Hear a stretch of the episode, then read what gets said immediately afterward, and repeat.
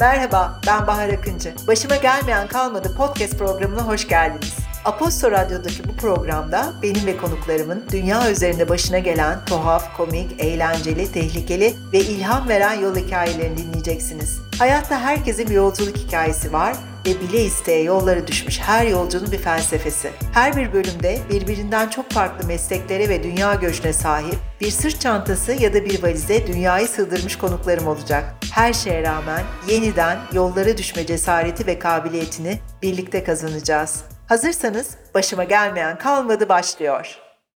Burçak Güney hoş geldin. Hoş bulduk. Başıma gelmeyen kalmadı. Her ee, zaman. Programımızın adı ve senin de başına dünyanın farklı yerlerinde birçok şey geldiğini biliyorum ama birazcık senden bahsedeyim istiyorum ben. Ben seni uzun yıllardır tanıyorum. Reklamcısın. İstanbul Üniversitesi İletişim Fakültesi'nde okudun. Betül Mardin'in öğrencisin. Sonra birlikte çalışma fırsatı buldun ve sonra kendi işini kurdun. Workshop diye bir ajansın var. Kaç senedir seyahat ediyorsun ve tek başına seyahat konusunda bize söyleyeceklerin var diye tahmin ediyorum. Çok dolusun çünkü bu konuda.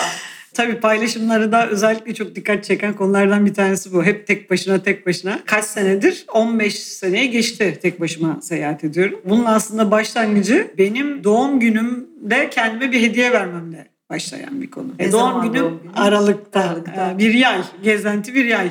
Aralığın sonlarında doğum günüm benim. Yılbaşı da yok çok yakın. Ben biraz önce bahsettiğim gibi aslında bir iletişimci olmama rağmen belki de mesleki bir deformasyon. insan neslinden çok haz etmeyen bir iletişimciyim. E, o yüzden de burada Türkiye'de en azından kendime kurmuş olduğum hayat Bazılarına göre asosyallik ama bana göre seçici sosyallik. Oraya geleceğim çok acayip bir hayatım var evet. çünkü. E, o yüzden seyahat etme tarafı da burada doğum günümde ve yılbaşında birilerinin bir şey yapmasını beklemek yerine kendim için bir şey yapmayı seçmem ve ilk seyahatimi bunun üzerine gerçekleştirmemle başladı. Ve nereye, sonra baktım, nereye gittin ilk? İlk e, Kahire'ye gittim. Mısır, piramitler. Oo bir Indiana Jones jenerasyonu olarak benim için müthiş ütopik yani. Ki orası da ayrı bir yani böyle piramitlere gizlice girmeler, kaybolmalar çok olaylı. Ondan sonra da bu bir ritüel haline geldi. Her doğum günüm yaklaşırken hiç bu tip üzüntülere işte şöyle mi olurdu böyle mi olurduları düşünmeden kendime böyle bir ödül veririm ve yıl içinde pek çok yere gitmeme rağmen en pahalı, en maliyetli seyahatlerimi her zaman yıl sonuna bırakıyorum. Yıl sonunda bırakırsın. Evet. Ama bildiğim kadarıyla şöyle bir geleneğin de var aslında. Kimi zaman 300-400 dolarlık bir otelde kalırken ertesi gün 5 dolarlık bir hostelde e, kalabiliyorsun. Gittiğin ülkeye bir daha gitmiyorsun ve kaldığın otelde ikinci bir defa kalmıyorsun. Bu da çok enteresan. Bu nasıl oluştu? Şöyle ki benim gayet mütevazi bir memur ailem var Bursa'da. Ben tabii eğitim için üniversiteyi kazanınca buraya geldim. Ve ondan sonrasındaki bütün hayatımda kendi hayatımı kendim dizayn ettim. Ama bunu yaparken kendi işinizin olmasının bir sonucu olarak Türkiye gibi bir ülkede çalıştığınız zaman her zaman matematik 1 artı 1 2 yapmıyor. Ve iş hayatında çok daha zorluklarla karşı karşıya geliyorsunuz. Bazen ekonomik problemler, bazen işle ilgili başka problemler ve sonunda görüyorsunuz ki her şey sizin istediğiniz gibi olmuyor. Ve ben bunun sonucunda e, kendimi sürekli test edebileceğim bir ortam yaratmak istedim kendime. Bu ne demek? Maddi gücünüz ne olursa olsun mutlu olabileceğiniz bir hayatı yaşayabiliyor musunuz? Yani bu şu demek şu anda istediğiniz kadar ekonomik gücünüz olsun. istediğiniz her yerde yaşayabilirsiniz. Her yemeği yiyebilirsiniz. Her otelde kalabilirsiniz. Paranız satın alabileceği her şeyi yapabilirsiniz. Ama yarın öbür gün bunlardan herhangi birisini kaybettiğiniz zaman aynı mutlulukta yaşayabilecek misiniz? Bunu e, kendime öğretmek için ve hatırlatmak için sürekli bu şekilde yaşarım ben. Harika. Yani ne demek bu? İşte tatile bir yere gittiğinizde oraya deneyimleyebileceğiniz en iyi otelde kalabildiğiniz gibi Ertesi gün aynı koydaki 4-5 dolarlık bir otelde de aynı keyifte ama oradaki şey parantez içinde o kısmı çok önemli yani. Aynı keyif ne demek? Hani sürünerek tabiri caizse değil. Hani hmm. aynı manzaraya bakan aynı keyifte bir yerde de kalabiliyorsunuz. Bu şunu gösteriyor. Rüzgar terse döndüğünde ben gene çok mutlu olarak yaşayabilirim. O yüzden de bu tip özellikle hani başkalarına çok böyle radikal gelebilen seyahat kararlarındayım. Bir gün uyuduğum yerde bir gün uyumam. En radikal hareketlerimden bir tanesi bu bence. Bunun en önemli sebeplerinden bir tanesi hayat çok kısa ve insanlar anlaşılamaz bir şekilde bunun süre geleceğini zannediyorlar. Evet hayat boyu yani esiller boyu yaşamaya devam edeceğiz. Devam edeceğini zannediyorlar ve sanıyorlar ki erteliyorlar da bir sürü şey bu yüzden. İşte mesela baktığınızda çokça olur bu. İşte der ki mesela valizi asla kaldıramam, taşıyamam. Bir gün kaldığım yerde işte orada bir hafta biz rahat edelim böyle bir dünya yok. Hayat deneyimleyebileceğiniz o kadar çok şey sunuyor ki size. Ben hatta bir gün yediğimi bile aynısını yememeyi tercih ediyorum ki hatta daha da ilginci benim evimle ofisim arasındaki yolda 7-8 ayrı alternatif var. Ben aynı yolu bile kullanmıyorum. O kadar tatlı bir sürü şey yapabiliyorsunuz. O yüzden dediğim gibi bazılarının o konfor alanında diye kendine yarattıkları alanlar bence tuzak.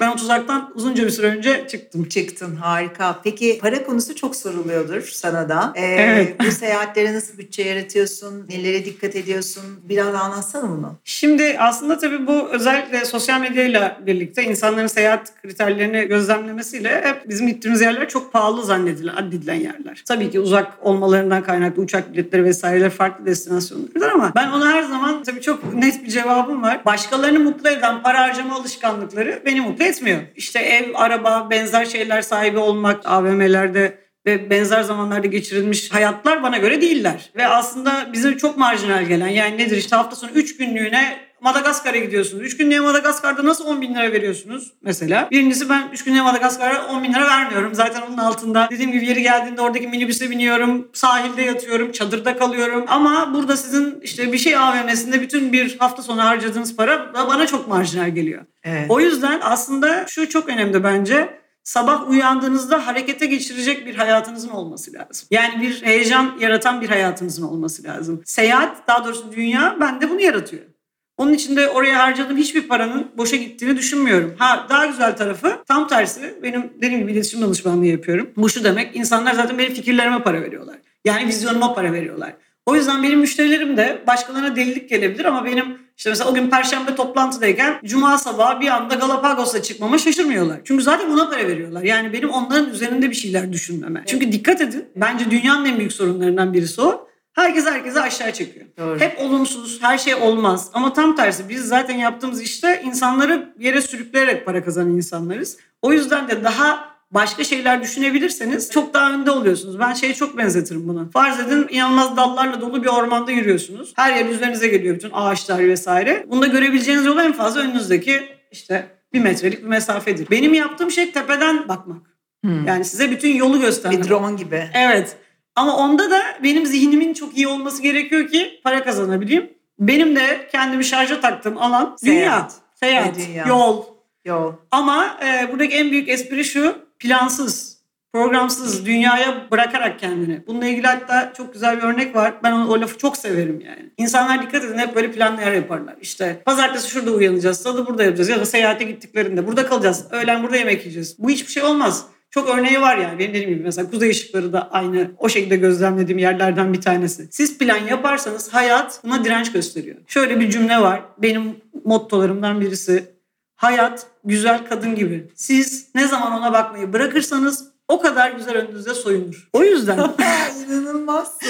o yüzden ben ona öyle bakmayı uzunca süre önce bıraktım ve tam tersi ben ne kadar rahat bıraktıysam o da insanların işte 20-25 bin dolarlık turlarla gördüğü kuzey ışıklarını ben bir başıma bir çadırın altında eksi 30 derecede koyduğumda gördüm. Ya da işte burada işte en son orkayı 5 sene önce görüyoruz dediklerinde bir dakika ben orkalarla yüzmeye gideceğim deyip aynı gün tekneden indiğimde önümden orka sürüsü geçti.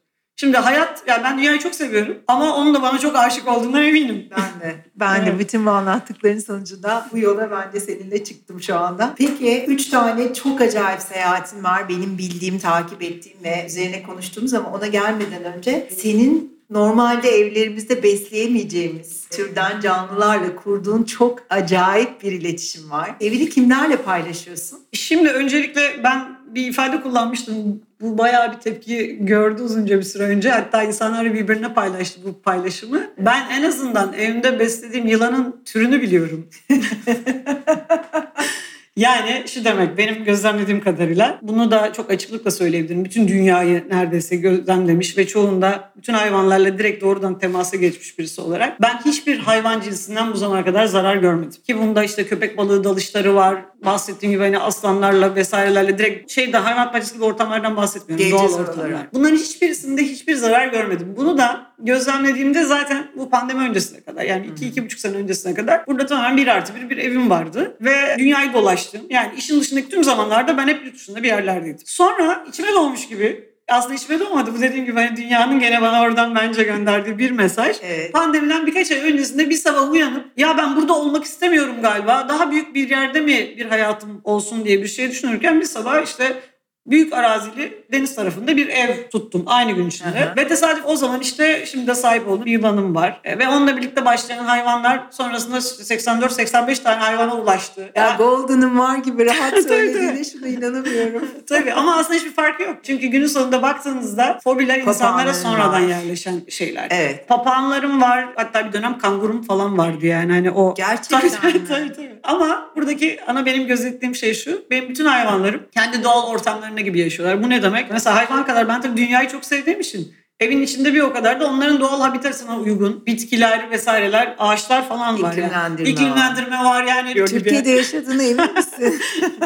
Ben e, dünyada çok mutlu ve çok güzel yaşıyorum. Harikasın. Peki buradan hemen konuyu Galapagos'a getireceğim. Çünkü birçok gezginin hayallerinden bir tanesi sen Madrid'den çıkıp bir ekvator turu yapıp oradan Galapagos'a devam ettin. Şu yolculuktan biraz bahsetsene bize. Madrid'e gittiğinde Galapagos'a kadar gideceğin belli miydi? Orada mı plan yaptın? Orada mı karar verdin? Onun öncesi hangi duraklar oldu? Bir anlatsana. Benim seyahat şeklim aslında pek çok gezgini çok şaşırtacak şekilde denilebilir. Bir kere hiçbirisi önceden planlanmış seyahatler değiller. Yani benim bu zamana kadar yaptığım hiçbir seyahat bir hafta öncesinden bildiğim şeyler değildi benim. Tam tersi bu bende baskı yaratıyor. Yani bir yerin planlanmış olması. Galapagos'ta öyle keza. Neye karar veriyoruz, nasıl karar veriyoruz? Ben bildiğiniz böyle hani çok şeydir böyle haritayı önüne açıp Aa bir dakika nereler var falan gibi. Tabii ki bu mesela bir sürü insan diyebilir ki iyi de bunun için belli bir paranın olması lazım. Tam tersi ben bendeki para kısmı hani oraya gidebilecek kadar uçak bileti varsa benim için okeydir yani. Hani Ben de, Tabii, ben de öyleyim. Bu hani dönüşü de olmayabilir bu arada. Daha da radikal. Bir şekilde dönerim Bir şey, ama diyorum. bir şekilde her zaman Evet. döndüm ben yani. Ben de. O yüzden de Galapagos'ta benim klasik bir cuma akşamı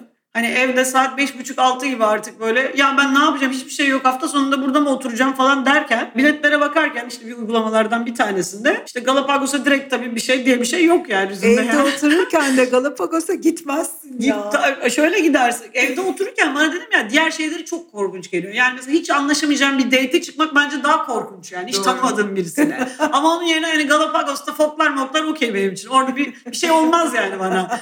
O yüzden bunda da yani ben böyle tabii Aa, Galapagos'un nasıl gidilir falan tabii böyle Google'a Galapagos'un nasıl gidilir deyince çok bir şey çıkmıyor yani bir Doğru. tarafta.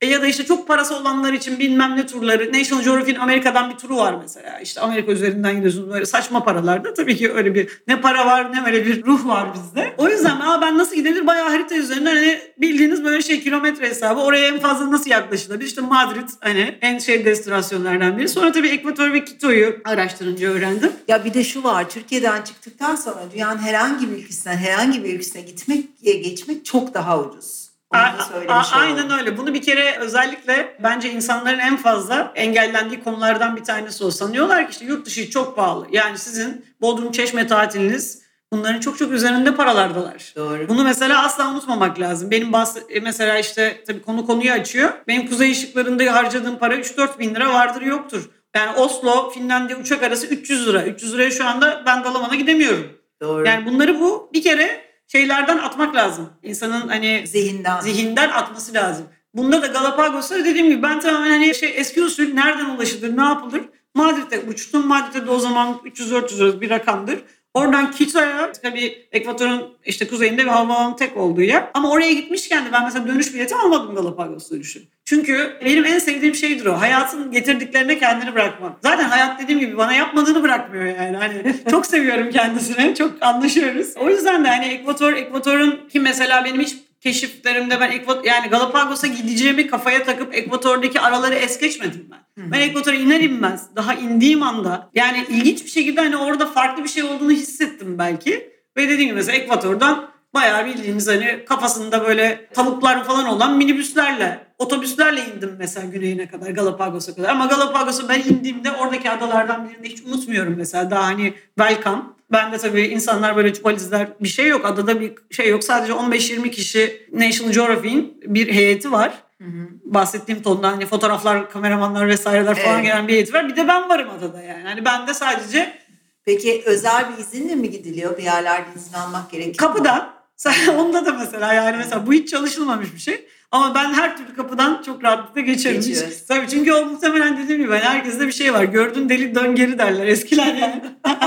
yani orada böyle çok garip ortamların hepsinde herkeste bir şey oluyor. Yani kadının bir bildiği var herhalde oluyor ama aslında kadının bir bildiği yok yani. Ama dediğim gibi mesela orada ki hani baktığınızda çünkü orada adalarda yaşayan insan turlar da yok. Adalar arası transferler de yok. Mesela konu çok radikal eğer bahsettiğiniz tonda bir turla gitmezseniz Hı hı. yani. Ama benim deneyimlenmemle ben çok rahat buradan Alanya'ya gitmek kadar benim kolayımda bir yer artık orası. Yani Evet. orada da hani Galapagos esnaf lokantası var tanıdığım mesela. Peki Galapagos'ta başına gelen çok acayip hikayeler var. evet, Ee, evet. En sevdiklerinden bir tanesi anlatsana. Bir tanesi şu aslında benim öykümden de bence en güzel örneklerden bir tanesi o. Ben Galapagos'a giderken yanımda bir tane büyük sırt çantası götürdüm.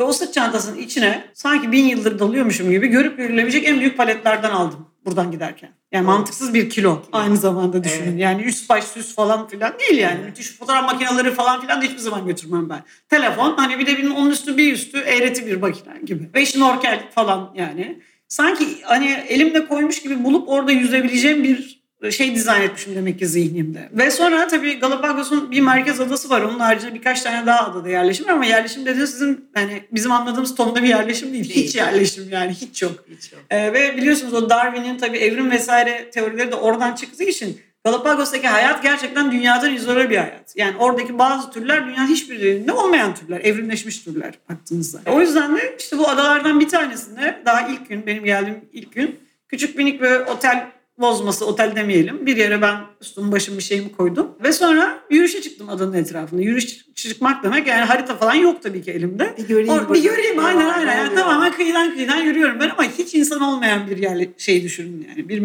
hı. Ve işte paletlerim vesaire bu arada Galapagos ultra sıcak bir yer değil gayet serinlerde bir yer. Neyse böyle deniz kenarından gayet ilerlerken inanılmaz bir koy gördüm yukarıdan ama inanılmaz nefis yani koyun da bir ucunda tesadüf bu ya tesadüf bu ya değil hani dünya seviyor. Evet. Benim için çok tatlı böyle bir kayalıklar gibi bir yer dizayn edilmiş. Aa ben paletlerim vesaire oraya gittim çok şeker. Müthiş koyda yüzerim. Harika olur. Hatta tabii önceden biraz böyle yolda da bir okudum okudum foklar vardır bir şey vardır. Dediğim gibi korkum yok. Hani köpek balığı zaten dalıyorum sorun olmaz. Küçük bir de yanımda su geçirmez bir çantam var. Onun içine işte pasaportumu, paramı tabii ki otele bırakamadığım için onlar yanımda. Telefonumu, fotoğraf makinemi falan koydum. Doğru. Ağzını da kapattım. Şimdi insan olmadığı için bir korkunuz da yok. Hani birisi gidip bir şey yapamaz onu. Ve gene de ben tabii hani daha önceki güvenlik önemli şeyinden ötürü denize çok yakın yere dedik. Yani kayalıkları biraz daha kara tarafında onu bıraktım. Sonra işte paletlerimi falan giydim gayet böyle şeker havalı. Aa suya atladım. Efsane hemen 3-4 tane fok geldi. Ben de çıldırıyorum hayatımda. Fok görmemişim. Ve çok oyuncular ama foklar da büyük hayvanlardır yani. Hiç daha önce Town'da. Evet yani büyük hayvanlar Çok böyle tatlıların dışında pis tarafları da var Tabii, yani tabii. böyle iddialılar da. Evet. Ee, orada işte ben aa, yüzüyorum yüzüyorum yani 15-20 metre falan açılmışımdır kayalıklardan da. İşte bir, bir hatta böyle bir çok büyük de değil. Bir metreye yakında bir köpek balığı falan da var. Böyle dalıyorum şnorkelle falan. Öyle de oynarken foklardan bir tanesi benim yanımdaydı yani. Sonra bir anda ben tabii hani bir şey almasın diye şeye bakarken sahile bakarken muhtemelen benim oraya baktığımı gördü. Ve benim onu yani ben sahile bakarken bir taraftan ben o, o fokun yüze yüze o kayaların üstüne doğru hızlıca gittiğini gördüm. Şimdi tabii onun yüzmemle benim yüzme hızım aynı değil. Ve tabii kayaların üstüne çıktı. Ben daha yapma etme demeden sanki hani içinize doğmuş gibi o benim içinde her şeyimin olduğu çantayı ağzına aldı. Ben tabii paletler bir taraftan çıkartamıyorum ayağımdan haklı Evet. olarak. Elindeki çantayı alıp suya inmeye çalışıyor. Tabii su geçirmez olsa da hani benim her şeyim kaybolabilir, Tabii. gidebilir. Ben kayalıklardan bir tanesindeyken ağzından yakaladım çantayı. Vermiyor.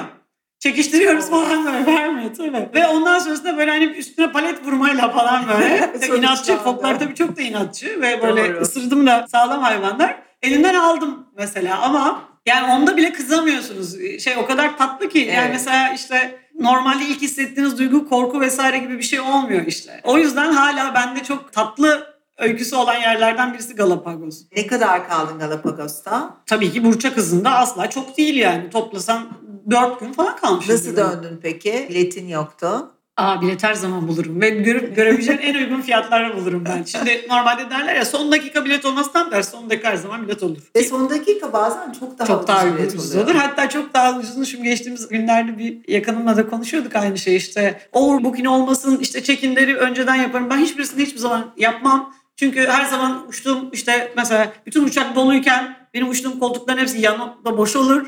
O dediğim gibi hani rahat tabii. Dönüşte aynı şekilde e, Quito'dan döndüm ben hı. Ama Galapagos bence mutlaka herkesin görmesi gereken yerlerden birisi. Tanzanya'da bir aslan hikayem var. Onu da Bizimle paylaşır mısın? Şener Şen gibi evet. Aslanı ben öldürdüm diye.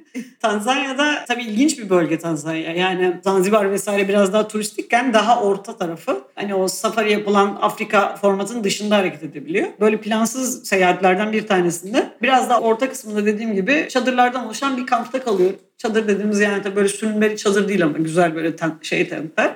5-6 tane çadırdan oluşuyor. İlk işte rangerlar indirdiler. Kapıda hemen bilgi verildi. Dediler ki benim de tabii ilk daha hayvan yani o kadar böyle jungle jungle görmemişim daha öncesinde. Dediler ki mutlaka tek başınıza yürümeyin. Yanınızda bir yani ranger dediğimiz işte o yardımcı olan oradaki Korumalar. yerleri korumaları. Evet. Çünkü yani tamamen doğal hayatın içindesiniz ve bütün hayvanlar etrafınızda. Yani bunların hiçbir şekilde bir yerlerden kaçamayacağınız için her adımınızda mutlaka yanınızda bizden birisi olsun gibi bir bilgi verdiler. Çadıra da yerleştirdiler. Tabii işte akşam yemeği için de akşam 6 gibi de yemek yiyeceğiz. Akşam yemeği restoran değil yani restoran demeyelim oraya. Her yere açık olan üstü açık bir yer.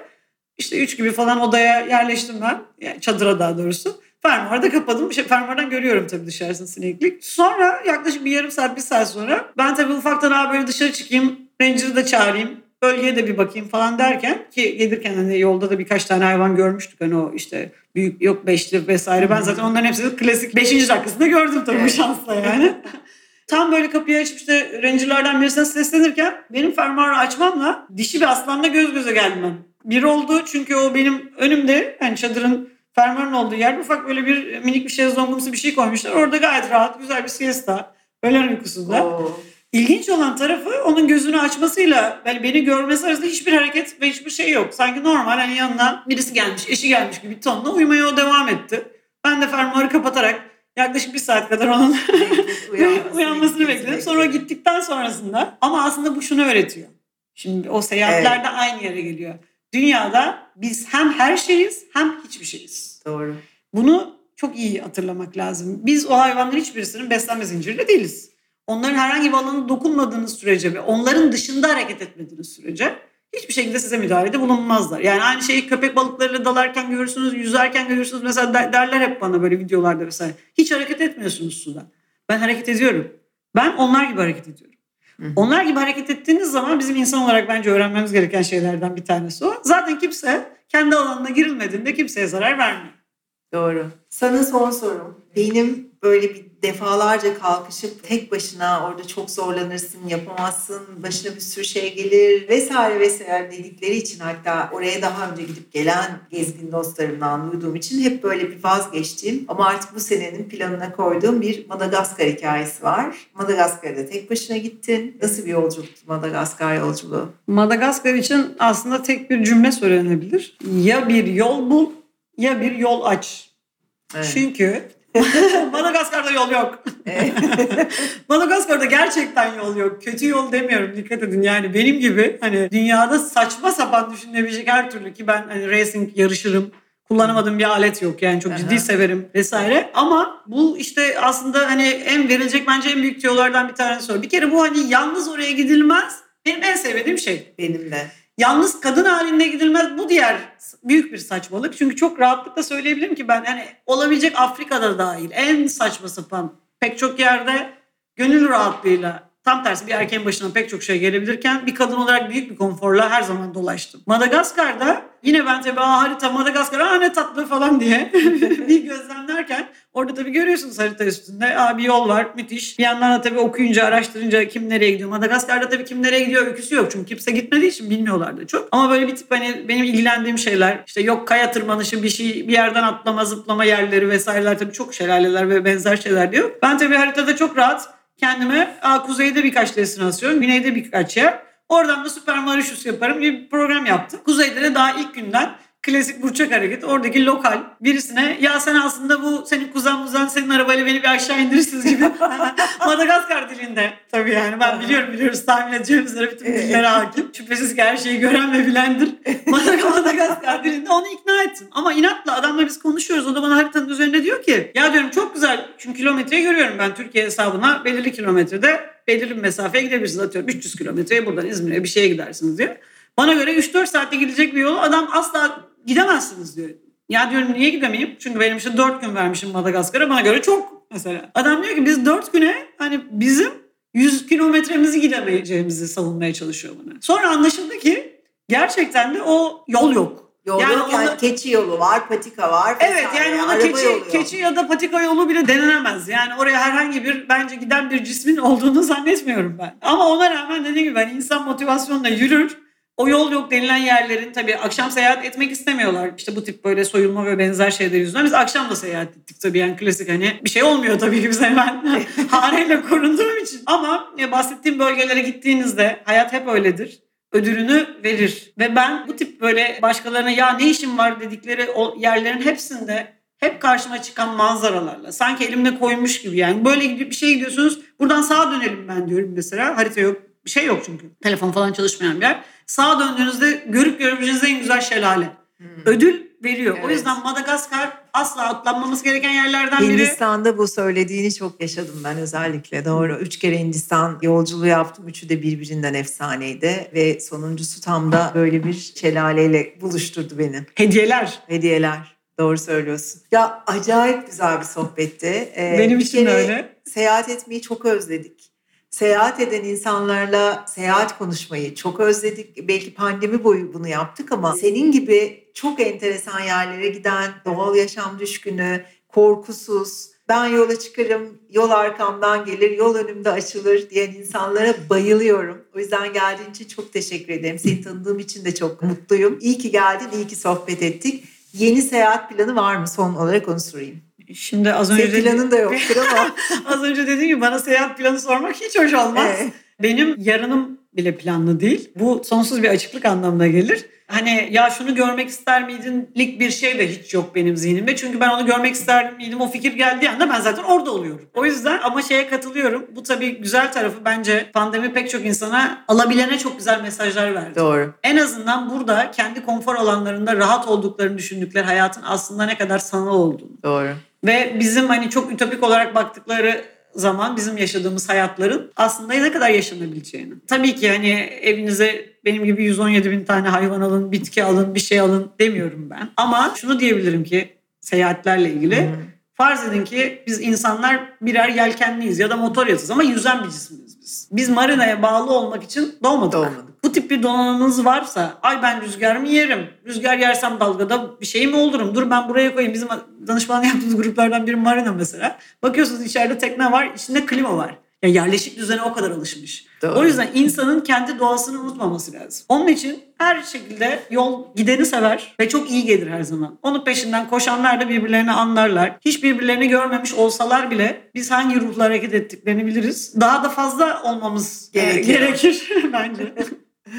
Çok teşekkür ediyorum. İyi ki geldin. Ben teşekkür ederim Bahar. İnşallah bir gün birlikte seyahat ederiz. İnşallah. İsterim. Teşekkürler.